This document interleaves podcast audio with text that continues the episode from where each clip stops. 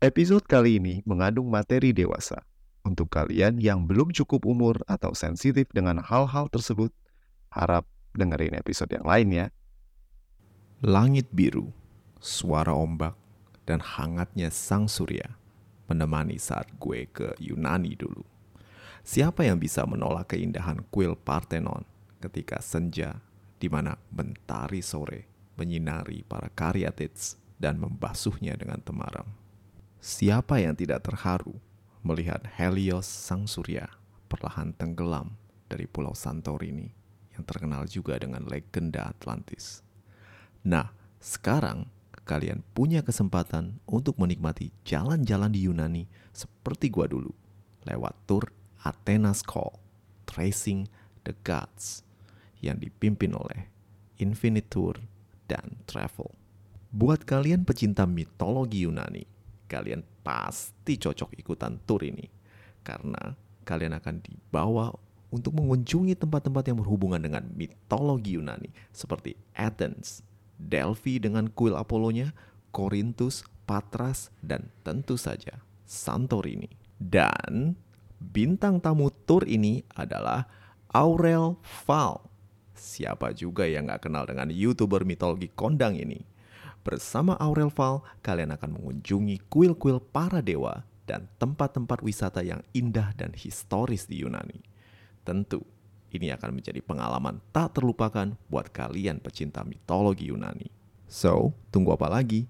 Mampir ke Instagram Infinite Tour and Travel atau kunjungi laman www.infinitetourandtravel.com.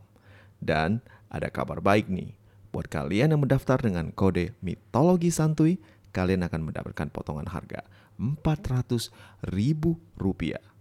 So, what are you waiting for? Athena is calling.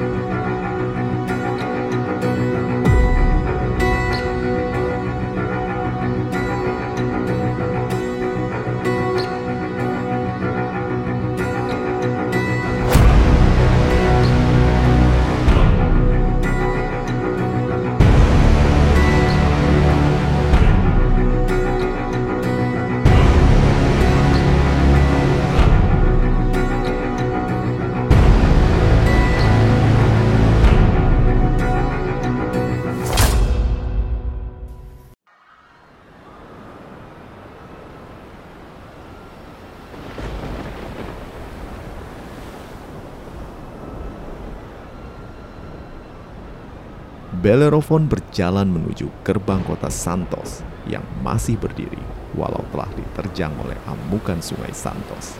Kemarahan memuncak di ubun-ubun pahlawan yang telah dikhianati ini. Tak ada lagi Bellerophon yang pemaaf, periang, dan juga suka bercanda. Sosok itu telah sirna, ditelan oleh tindakan keji Raja Yobates. Kesetiaan dan jasa dibalas dengan pedang dan khianat. Tentu saja, Hal ini membangkitkan sisi lain jiwa Bellerophon yang tak pernah muncul sebelumnya.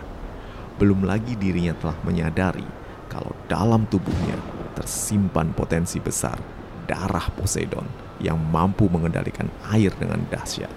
Balas dendam. Demikianlah yang ada di benak Bellerophon. Tak ada lagi rasa ampun dan segan untuk ia yang telah melanggar hukum Senia tak akan ada dewa atau kuasa ilahi apa pun yang akan melindungi Santos sekarang. Sementara itu, Iobates dan para penasihatnya berembuk. Mereka sadar mereka diambang kehancuran. Tembok andalan mereka yang telah menjaga ibu kota selama berabad-abad telah runtuh diterjang aliran sungai yang dahsyat.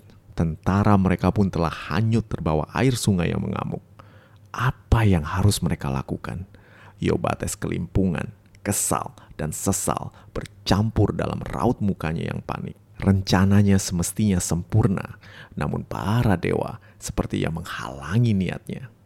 Ia tak menduga kalau Bellerophon adalah salah satu dari para demigod, apalagi ayahnya adalah salah satu dari tiga penguasa semesta, Poseidon, sang penguasa lautan.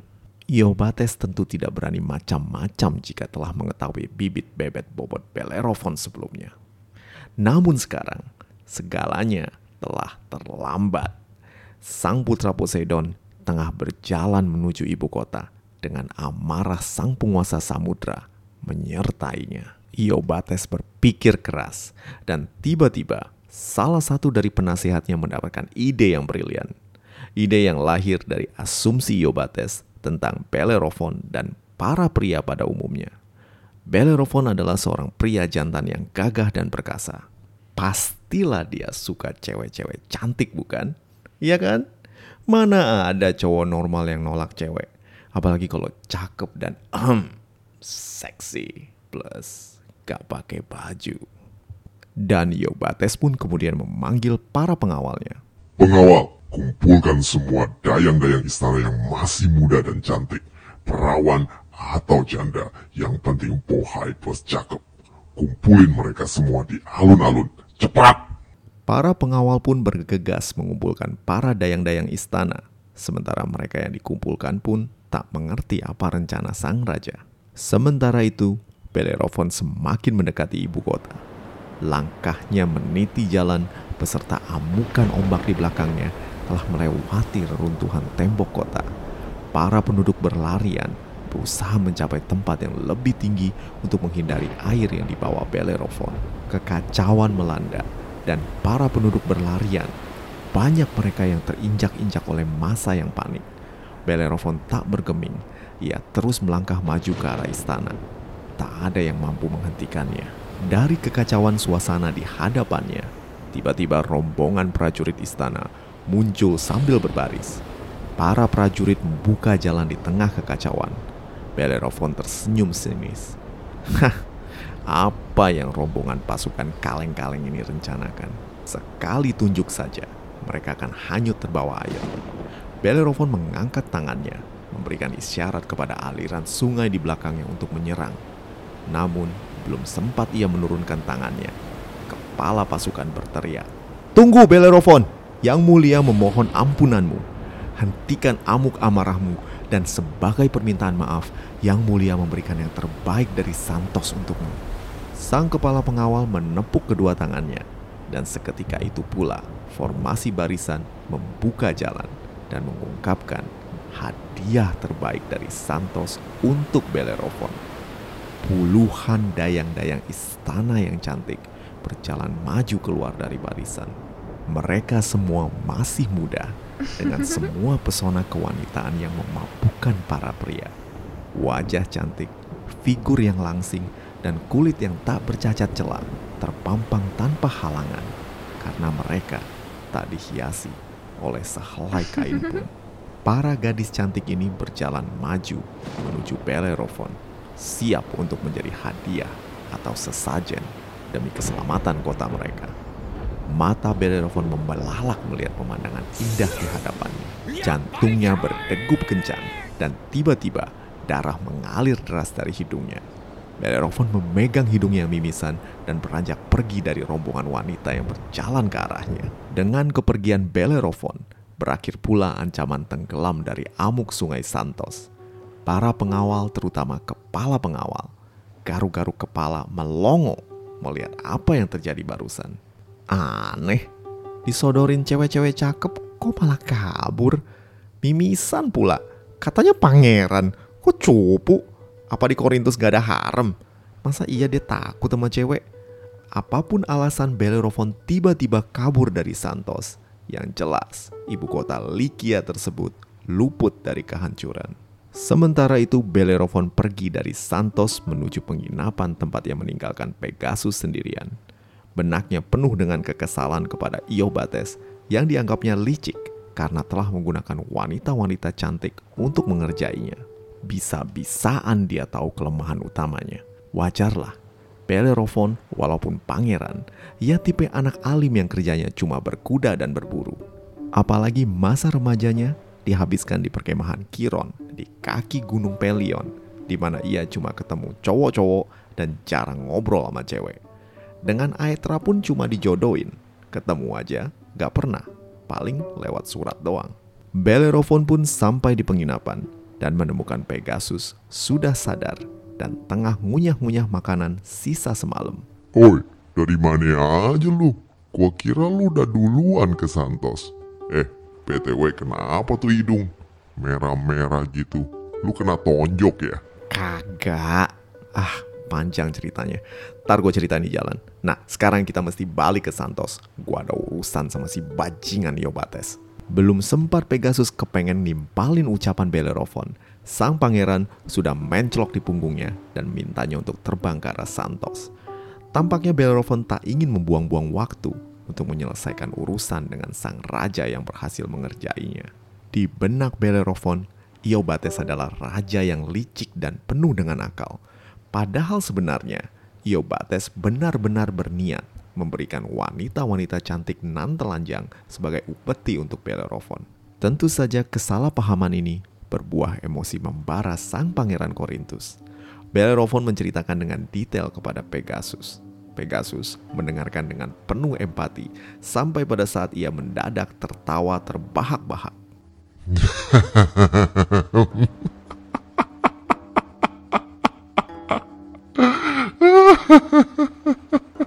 eh, kuda setan, malah ketawa.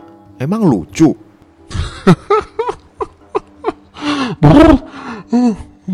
Iya, nggak lucu. Tapi lucu banget. Masa iya lu takut sama cewek telanjang? Ya, bukannya takut, tapi gue Emangnya lu di Korintus gak pernah deket sama cewek? Gue denger cewek-cewek Korintus cakep-cakep. Plus lu kan anak raja.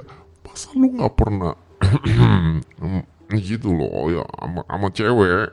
Ye, gue mah anak baik-baik.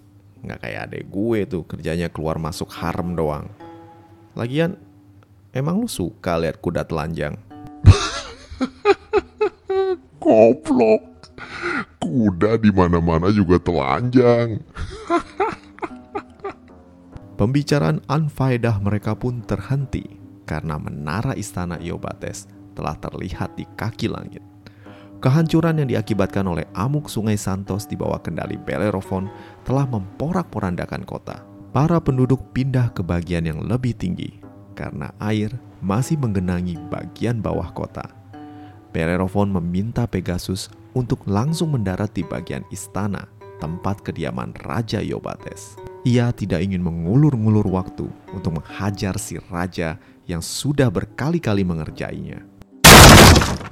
Hei Iobates, sini lu. Aku tak akan lagi menggunakan tata kerama pada ular beludak seperti lu. Sekarang berikan nyawa lu.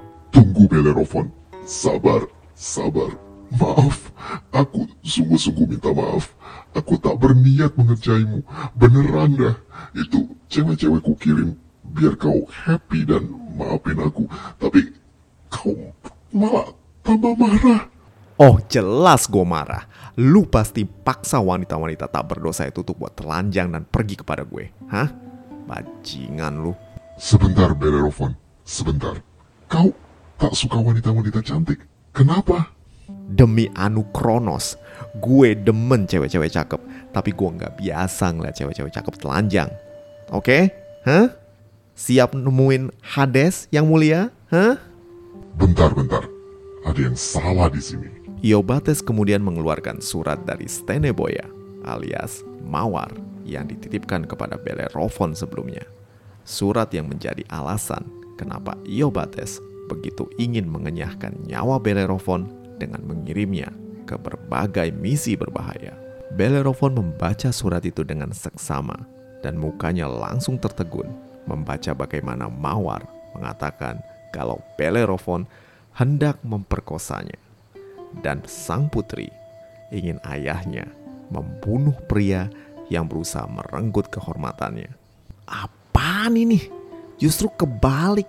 Ah, ah sudahlah. Yang mulia, aku Iya, aku tahu sekarang. Gak mungkin pria tanggung yang mimisan gara-gara lihat cewek telanjang kepengen perkosa anak gue. Gue tahu anak gue. Emang gagal gue jadi orang tua. Maafkan aku Bellerophon.